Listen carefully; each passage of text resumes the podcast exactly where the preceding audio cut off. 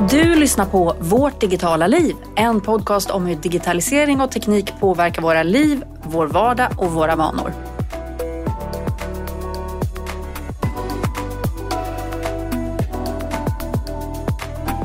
Har du bil, Kristin? Ja, den rullar. Eh, Jag har en bil. Har du tänkt på hur det skulle vara om du inte hade en bil? Eh, Ja, i, i stan skulle det inte vara jättebesvärligt för där har vi ersatt en hel del bilturer med lådcykel. Men eh, vi skulle ju ha superbesvärligt om vi skulle försöka ta oss ut på landet eller besöka föräldrar och så som bor långt ute på landet, långt ifrån all ära och redlighet och kollektivtrafik. Så det, det, det, det skulle nog inte funka faktiskt utan bil. Men ni har ju ingen bil. Nej, vi har ju inte det. Och det känns ju konstigt för vi hade ju bil när vi bodde i San Francisco. Vi flyttade ju hem i somras. Eller vi hade faktiskt inte bil först när vi bodde där. För de första åren bodde vi nere i stan, då behövde vi ingen bil. Vi rörde oss runt genom kollektivtrafik, Uber, Lyft. Och sen gick vi då en hel del. Vi cyklade inte, det var läskigt tyckte jag. Men från det att vi väntade vårt första barn 2014 så, så hade vi bil. Och jag saknar att ha bil. Samtidigt så känns det bra att vi sparar in på miljön så länge vi kan. Liksom. Vi bor ju här i stan i Malmö, vi har ingen parkering. Och just nu så åker vi ju heller inte någonstans, knappt, på grund av pandemin. Så vi kör med bilpool istället. Ja, och bilpooler och närbesläktade tjänster är det vi ska prata om idag. Den här visionen om att färre privatpersoner ska äga en egen bil. Du har ju tittat på det Miriam, det här med mobilitet som tjänst. Det handlar om delnings och transporttjänster som i grund och botten eh, har som mål att ersätta bilägande.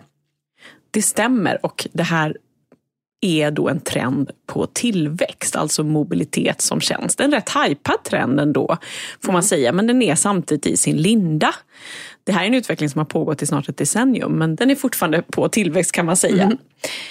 Och jag har skrivit en redaktionell rapport om det för Dagens Industri. Där jag, jag jobbar ju för dem till vardags. Och där bevakar vi då aktivt mobilitet och den utvecklingen. Mm, men om vi ska först ska prata lite om det här begreppet mobilitet som, som tjänst, som jag tycker är ett väldigt klonkigt begrepp. mobilitet som tjänst. Men vad betyder det egentligen? Jag håller med dig. Ja, det är ju alltså en svensk översättning av Mobility as a Service. Låter bättre på engelska. Mer Det klatschigt. flyter lite bättre, Ja, flyter lite bättre. Sen kan man också kalla det kombinerad mobilitet som tjänst. Eller då mobilitet som tjänst. Ännu krångligare. Ja. För en del av de här tjänsterna handlar om att kombinera olika transportsätt. Det kan ju vara kollektivtrafik, bilpooler då, hyrbilstjänster, eller hyrbilsföretag, elskotrar och cykelpooler till exempel. Och erbjuda då en tjänst, ofta en app, där man kan hitta information och boka alla de här olika transportsätten utifrån vad som passar bäst för stunden. Och sen kan ju också mobilitet som tjänst vara så att fastigheter och bostadsrättsföreningar har stationära fordonspooler kopplat till boendet som kan fungera som ett alternativ till den egna bilen för de som bor där. Mm, Okej, så att man, man bor i bostadsrätt och, och lite som en, en, en del i dealen, utbudet, så finns, finns då bilpool som en add-on-tjänst då kan man säga till boendet. Det kan man säga. Mm. Okej, och men vad handlar mobilitet som tjänst om då för, för, för samhället? Ja, men det handlar ju då om att erbjuda människor lösningar för att förflytta sig utifrån det egna behovet. Beroende på vad A till B är så att säga, när man ska förflytta sig. Samtidigt så kräver ju det väldigt stora förändringar i beteende, i infrastruktur i samhället och inte minst affärsmodeller. För det är ju många som är vana vid att ha tillgång till bil.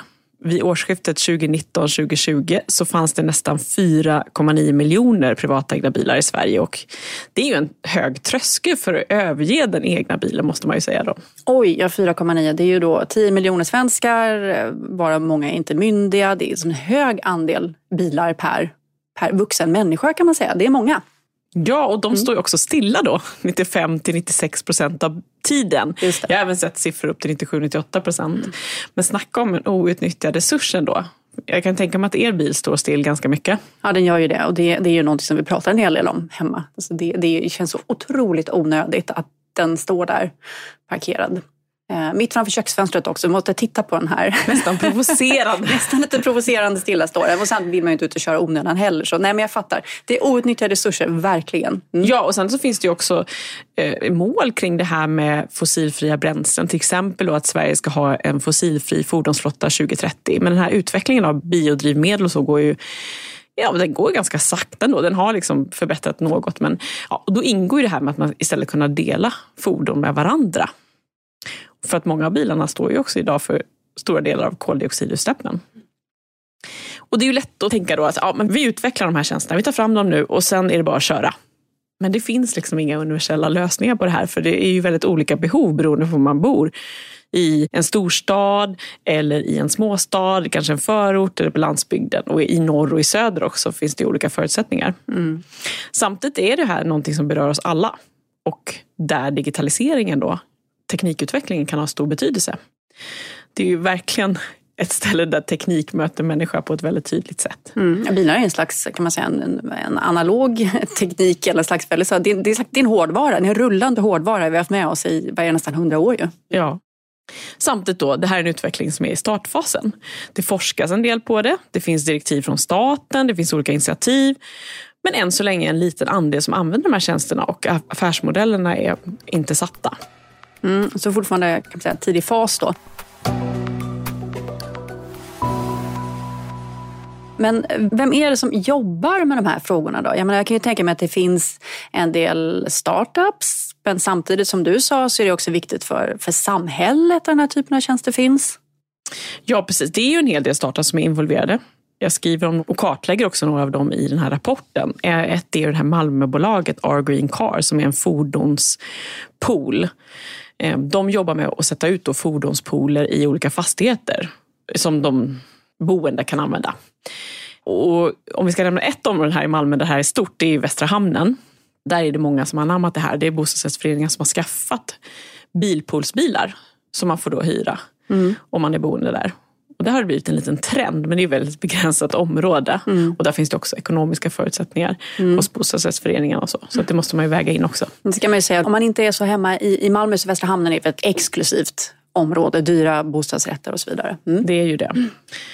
Men så det handlar ju dels om tekniska leverantörer som utvecklar tjänsterna själva, ofta i form av en app. Och sen finns det de faktiska leverantörerna, alltså bilpoolsföretagen eller elskoterbolagen och sen finns det de som tillhandahåller tjänster där man kan hyra ut sin egen bil eller man kan leasa en bil och hyra ut den.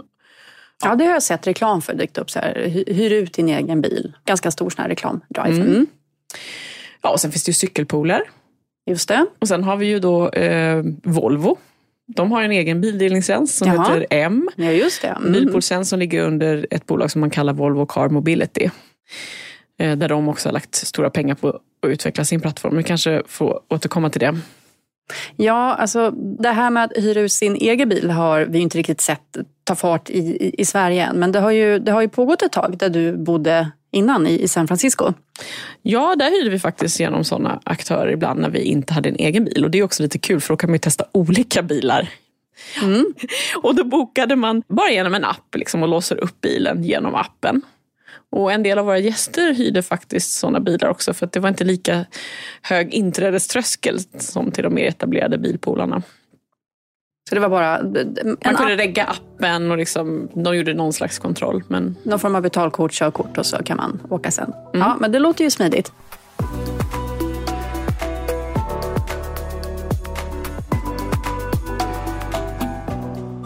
Okej, okay, vi har ju pratat om ett gäng startups, men vilka andra är det som är intresserade av det här med mobilitet?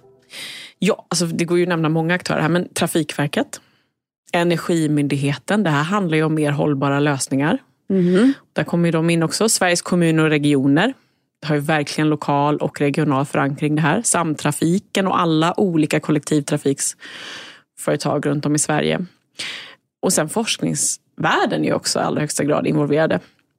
Och sen ska alla de här då försöka samarbeta i olika konstellationer för att hitta såna här MAS-tjänster som man kallar det. Mobilitet som tjänst, och, ja, om man använder det engelska uttrycket så är det MAS försvenskat då mm. av det engelska. Eh, och det ska ju vara till nytta både för människor och miljö och skapa värde för alla de här parterna och det är ju en utmaning. Liksom. För gemensamt för de här olika initiativen är ju också att de ofta hamnar i en skärningspunkt mellan det offentliga och det privata näringslivet, alltså den offentliga sektorn och privata näringslivet. För vem är det egentligen som äger den här kunden? Liksom? Och vem har rätt att påverka vad de ska välja för reslag? För det påverkar ju sin tur liksom vad de betalar för. Och så så det finns ju massa olika frågor. Mm. Fler frågor än svar just nu ska mm. jag säga. Knivigt låter det som. Ja. Mm.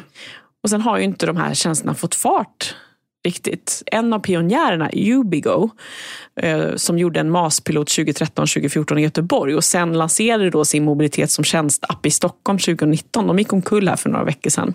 Mm. Och de hade då alltså en app där man samlade bilpool, kollektivtrafik, taxi och flera andra mobilitetstjänster um, i ett och samma abonnemang. De hade också ett avtal med SL i Stockholm. Men sen kom pandemin och de hade inte så många användare innan pandemin och det tilltog ju inte. Och de hade heller ingen långsiktig finansiering på plats. Så de gick i konkurs helt enkelt, fick lägga ner.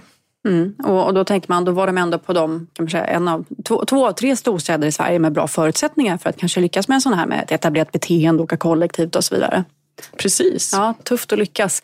Ehm, ja, okej, okay. så dels då pandemin sätter käppar i hjulet för MAS-branschen.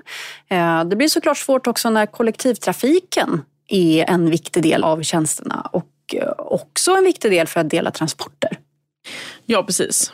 Pandemin påverkar och sen är det också svårt då att sätta affärsmodellerna för det här, för man inte riktigt vet vem, vem som ska betala och till vem. Eh, så det ställer till det också för den här utvecklingen. Det är många av de här initiativen som finansieras av riskkapital eller offentliga medel och det är också svårt i dagsläget att se vad de långsiktiga effekterna är av pandemin. Ehm, I rapporten så skriver jag till exempel om Linköpings kommun. De jobbar med ett antal aktörer i stan för att ta fram en app för invånarna. Och sen ska det förvaltas av det lokala kommunala parkeringsbolaget. Men ska ju också gynna de aktörerna som är med i den här appen. Och i Linköping också ska jag säga att de kommer få nya parkeringsriktlinjer och det är en stor faktor i det här. Liksom att I många städer så kommer det komma nya riktlinjer kring vad man får parkera i stan och de ska begränsa antal parkeringsplatser. Det kallas p-tal. Det kan ju vara i olika. Det kan ju vara p-tal noll till och med. Om man inte har några parkeringsplatser på vissa ställen. Ehm, ja, men på grund av det här så vill de ju då förändra beteendet hur man reser i stan i Linköping. Men nu har då deras tekniska leverantör problem på grund av pandemin. Så sätter det käppar i hjulet och så har det projektet lite gått i stå. Ja, pandemin sätter käppar i hjulet för många aktörer just nu. Ja, men det är ju en jättespännande utveckling här mm. samtidigt som de här ja, problemen ja. finns. Liksom, Svårt att etablera en tjänst som går ut på att resa kollektivt när ingen vill resa kollektivt också. Mm. Kan, man ju, kan man ju tänka sig. Men hur står det i marknaden nu då? Alltså överlag. Du sa att det är lite svårt för de här tjänsterna att få fart och någon har redan gått omkull. Så, så vad pratar vi om när vi pratar liksom marknadens storlek?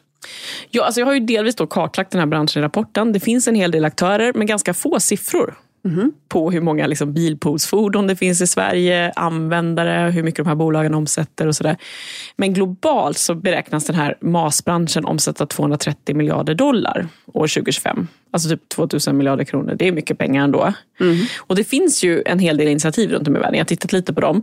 Men det är svårt att bedöma hur mycket fart de har fått också. Vissa har ju fått mycket riskkapital och liksom, det finns mycket förhoppningar kring tjänsterna. Men jag, ja, det är svårt att identifiera, även för de som är inne i branschen verkar det som. Mm. Men, men om, om, de som du pratat med, om de, om de uppskattar hur många till exempel, hur många bilar finns det i bilpooler i Sverige? Ja, alltså få ändå. Det fanns någon siffra från 2019 på typ 2500 någonting tror jag. Eh, men nu uppskattar man det till 4 5 tusen. Liksom. Men om man tänker kopplat till 4,9 miljoner så är det ganska lite. Och till exempel eh, i Stockholm så har de identifierat att 48 procent av invånarna har en bilpool inom 400 meter.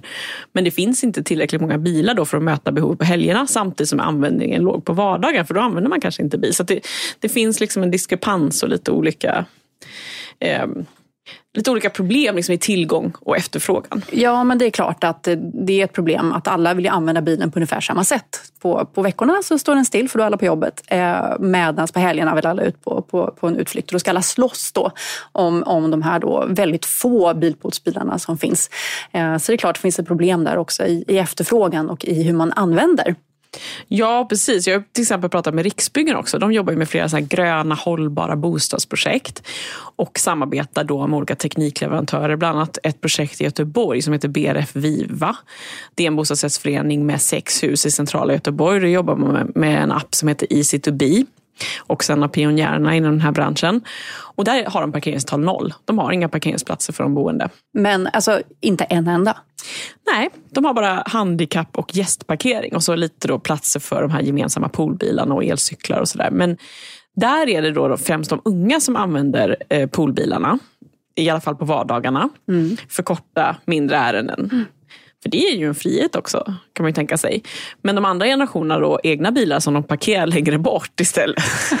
för de kanske vill ha en egen bil just för att åka till landstället över helgen eller hälsa på någon. Och, så. och då räcker inte poolbilarna till det. Liksom, så det blir ett moment 22 där. Ja, oh, verkligen moment 22. Ja, nej, vi löser ju verkligen inte det här med att färre ska ha bil. Alltså, vi skaffar en bil ändå, men vi parkerar den längre bort. Eller hur? och där har de funderat okay. till exempel att lägga till ett hyrbilsföretag för att man ska kunna möta behovet lite mer. Men sen, det har ändå effekt ska jag säga på det här BRF Viva. De har 132 lägenheter totalt och en undersökning efter ett år visar att hälften så många ägde egna bilar jämfört med de i de kringliggande stadsdelarna. Så man alltså jämfört med de andra stadsdelarna runt omkring som ligger liksom motsvarande lika centralt. Mm. Och Sen har Riksbyggen också ett nytt projekt och det tycker jag är lite intressant. Det ligger på Masthuggskajen, de har flera projekt, men där ska det finnas hundra poolbilar. Och det är en annan femma. Liksom. Nu vet jag inte exakt hur många lägenheter det var där. Men mm. om det finns hundra bilar, då kan man tänka att det finns ganska stor tillgång till bilarna när man behöver dem. Sen är det inte säkert att det är lönsamt heller. Så vi, ja, det mm. återstår att se, men det är spännande eh, initiativ. Ja, jag förstår ju komplexiteten i det här med att anpassa alla olika möjliga användares behov och önskemål. Vi har ju också tittat lite på det här, vi skulle ha bilpool istället när vi märker att vi använder väldigt mycket lådcykel. Men det är just för de här gångerna som, där vi behöver bilen kanske flera dagar i sträck eller så, där det blir så orimligt dyrt att ha en hyrbil ja. så pass länge. Men de ögonblicken är ändå tillräckligt viktiga för oss att vi bestämmer att men vi har vår egen bil istället ändå. Så ja, men intressant att höra att, att det ändå har någon form av effekt på, på bilägande. Du lyssnar på Vårt digitala liv, en podcast om hur digitalisering och teknik påverkar våra liv, vår vardag och våra vanor. Nu har vi pratat främst om större städer, men hela Sverige ska ju leva som vi vet. Och det är lite intressant hur mobilitet som tjänst ska funka på landsbygden. Eller hur? Det är jättespännande. Det finns då eh, ett bolag, Freeway, som riktar in sig på, det är ett Strängnäsbolag, men de riktar in sig på landsbygden. Och det började som en transporttjänst för att samordna varor, liksom den här last mile problematiken som man pratar om, liksom när en vara måste gå ända fram till dörren, men det kanske ligger i glesbygden helt enkelt. Mm. Och då kan man samordna det på olika sätt. Men sen har de breddat då till persontransporter och till exempel utvecklat en tjänst för södra Årefjällen. Jag måste säga att jag var inte riktigt på det klara var det ligger, men det, ja, det ligger ju söder då om Åre. eh, en, eh, Lyssna på namnet, Söd, exakt. söder. men, men eh, jag har i och för sig hört talas om någon av, det finns tre skidorter, så mm. en är Trillevallen, den hade jag hört talas om innan tror jag. Mm. Eh, ja, men det är mycket mindre än Åre som destination men lockar ändå en del turister. Liksom. Och då får man åka tåg dit och då kanske man får vänta liksom, i flera timmar när man mm. har kommit fram. För det kanske, taxibilarna kanske inte vill köra dit, kollektivtrafiken går väldigt glest. Och då började hotellen istället med egna minibussar. Men de här minibussarna gick ju tomma. Mm.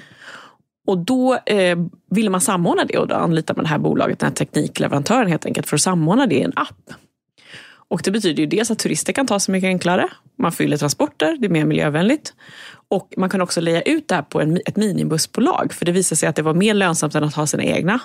Att anlita en annan aktör som också fick då en affär. Och sen kan, om man har ett barn som vill träna inne i Åre till exempel. Så kan man känna sig trygg med att barnet kan åka in dit. och Så, så det, det, var ju verkligen lokal anpassning av en sån här tjänst. Mm. Det var intressant tyckte jag. Ja men vad smart. För det, jag, jag har själv upplevt det. Jag har, inte, jag har inte bott mycket på landsbygd men jag har, under ett halvår bodde jag i en liten by utanför Varberg. Typ en slags mellanperiod innan jag kom in på en universitetskurs någonstans. Hemma hos min mamma som bodde där. Eh, och det var helt hopplöst att bara ta sig de här två milen in till, till Varberg. Det gick kanske tre bussar om dagen. Ja. Och eh, missar man en buss då fick man ju ringa någon och så vidare. Så att det som, mobilitet på landsbygden är ju ett problem om du inte då äger egen bil. Så det var jätte spännande att höra att man satsar specifikt på, på landsbygd och glesbygd i det här fallet. Och det här är faktiskt ett bolag som tror att de kommer att gå med vinst idag. Sen är det ju låga nivåer. Liksom. Jag tror att de omsatte 1,6 miljoner förra året. Mm. Kronor. Ja, men det, det blir spännande att se hur det ska utvecklas. För mm. Jag tycker att det finns mycket också samordning mellan privatpersoner och så som skulle kunna göras där också. Just det. Mm.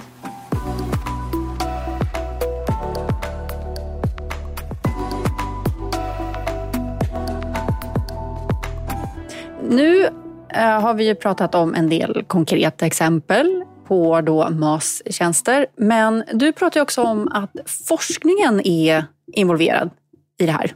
Ja, jag skulle säga att forskning är en väldigt viktig del i den här fasen av den här utvecklingen. Och också kopplad då till direktiv som kommer från staten, liksom från det hållet om mobilitet. Och jag har pratat med flera forskare i den här rapporten från till exempel KTH och Chalmers och några av dem har varit med i ett samverkansprojekt eh, som heter Kompis. Det beskrivs som ett strategiskt innovationsprojekt och det eh, kom till från ett initiativ från regeringens samverkansgrupp där man pratar om nästa generations resor och transporter och då är syftet att uppfylla transportpolitiska mål. Oj, ja.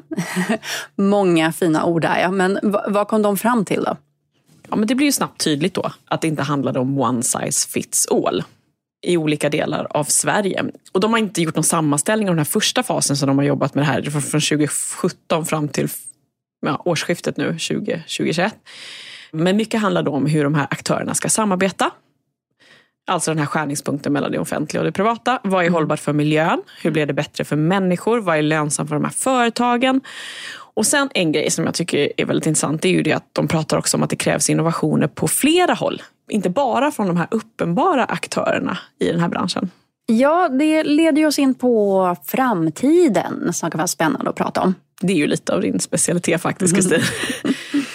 Ja, det är många pusselbitar som ska falla på plats med det här med mobilitet som tjänst. Men framförallt då så är det flera personer som säger att det behövs ett större skifte som initieras från andra håll än från de här mobilitetsaktörerna. Mm -hmm. Jag har till exempel pratat med en person som heter Björn Wendle. Han är vice vd för Trivector Traffic. De utvecklar den här appen Easy2B som BRF Viva använder. Och han målar då upp en bild av att till exempel IKEA ska vara med och driva den här utvecklingen. Intressant. Men alltså, vad, vad, kommer IKEA in i bilden på mobilitet som, som tjänst? IKEA har väl stor inverkan på våra liv då, men om de mm. då skulle ta initiativ till typ co-living eh, som får människor att samordna sina boenden mer på olika sätt. Man kan ju liksom se olika scenarier hur de skulle kunna göra det. Men mm. då skulle ju det i sin tur kunna driva på att man också delar fordon. Björn Wendle han säger då liksom att när en riktigt stor aktör anammar delningsekonomin, som Ikea då är till exempel, så kommer det att spela över på andra branscher. Men det finns ingen som helt har tagit det steget än. Ja, ja, okej. Okay. Men alltså, det här kan ju eventuellt vara på gång. Det här var någonting som jag snubblade över för något år sedan. Eh, om man tar just IKEA som exempel. Det finns en slags kan man säga, think tank och eh, säga, innovationsstudio om framtidens boende som heter Space 10 i Köpenhamn och de är IKEA-finansierade. Eh, och där tog man fram för är det typ ett, ett och ett halvt år sedan nu ett koncept kring just co-living som gick ut på att man bor så att säga, tillsammans i hus men man har kanske delar av ens boende är flexibelt. Så du har kanske ett rum som går att stänga av och har en annan ingång. Så när du är ute och reser så kan du ju då typ Airbnb det eller du hyr ut det och så vidare. Så att man har liksom en flexibel boendeyta. Men kopplat också då till hemmet, visualisera dem, väldigt mycket tjänster. Allt från att få hem din mat, eh, hålla koll på din, din elförbrukning, eh, boka träning och sådär. Då kan ju bil eller bilpool eller cykelpool skulle kunna vara som en naturlig del i det. Så varför inte? Kanske kan hända att det blir en sån stor kommersiell aktör som kan få fler folk att tänka nytt kring det här med att, att dela bil. Mm. Intressant. Och sen är det väl också lite intressant här hur, hur de kommande generationerna ser på det här jämfört då med eh, vår generation som är bilburna och lite så att säga, vana vid ändå att ha egen bil. Vi är kanske de första som nosar lite på det här med att, att dela bil och det är något naturligt. Ja, alltså jag har inte på fötterna här men det känns ju som att färre unga tar körkort nu.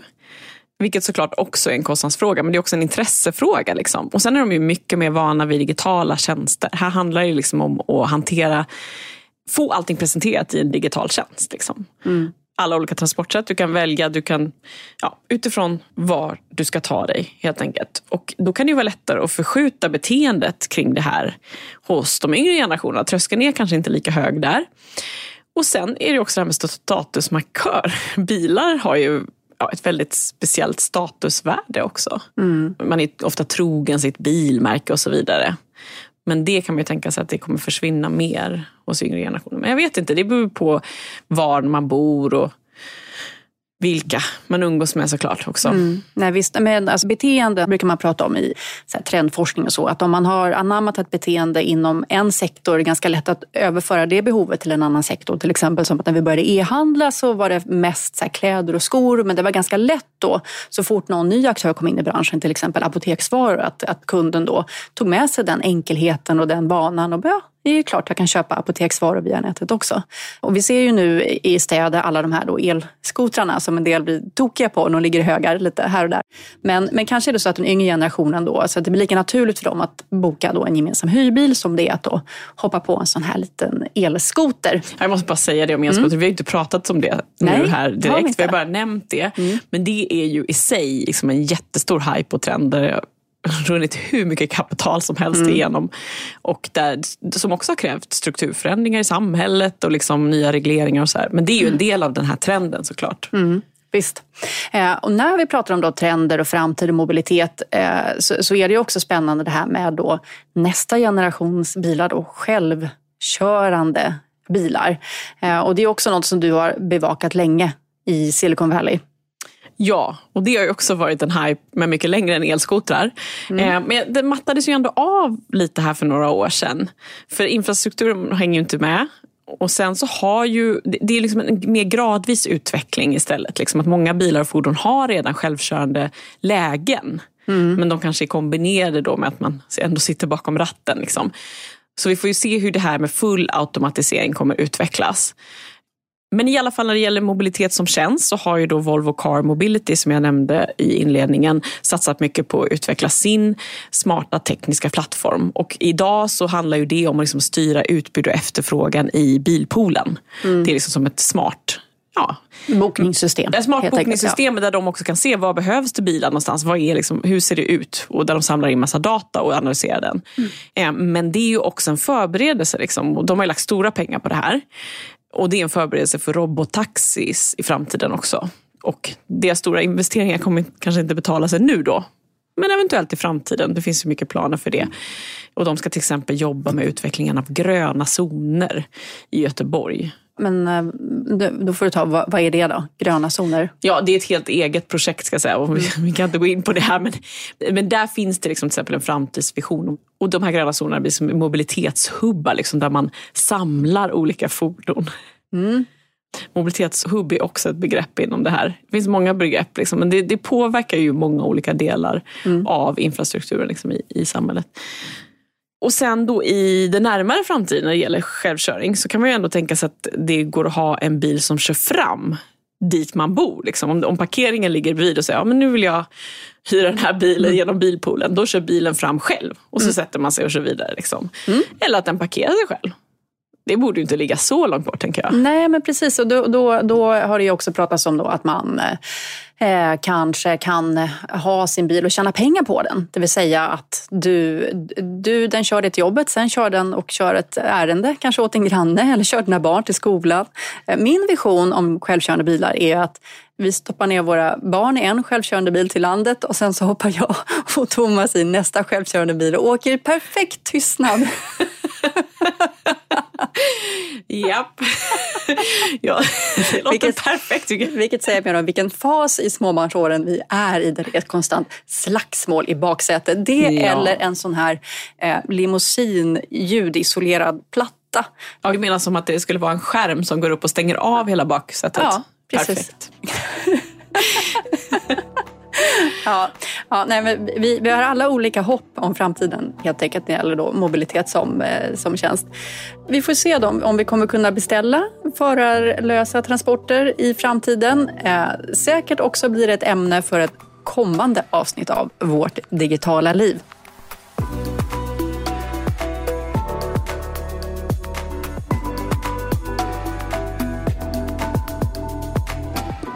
Du har alltså hört Vårt digitala liv en podcast om hur teknik och digitalisering påverkar våra liv, vår vardag och våra vanor med Miriam Olsson Jeffrey och Kristin Heinonen. Vill du höra av dig till oss? Mejla oss jättegärna på hej vartdigitalaliv.se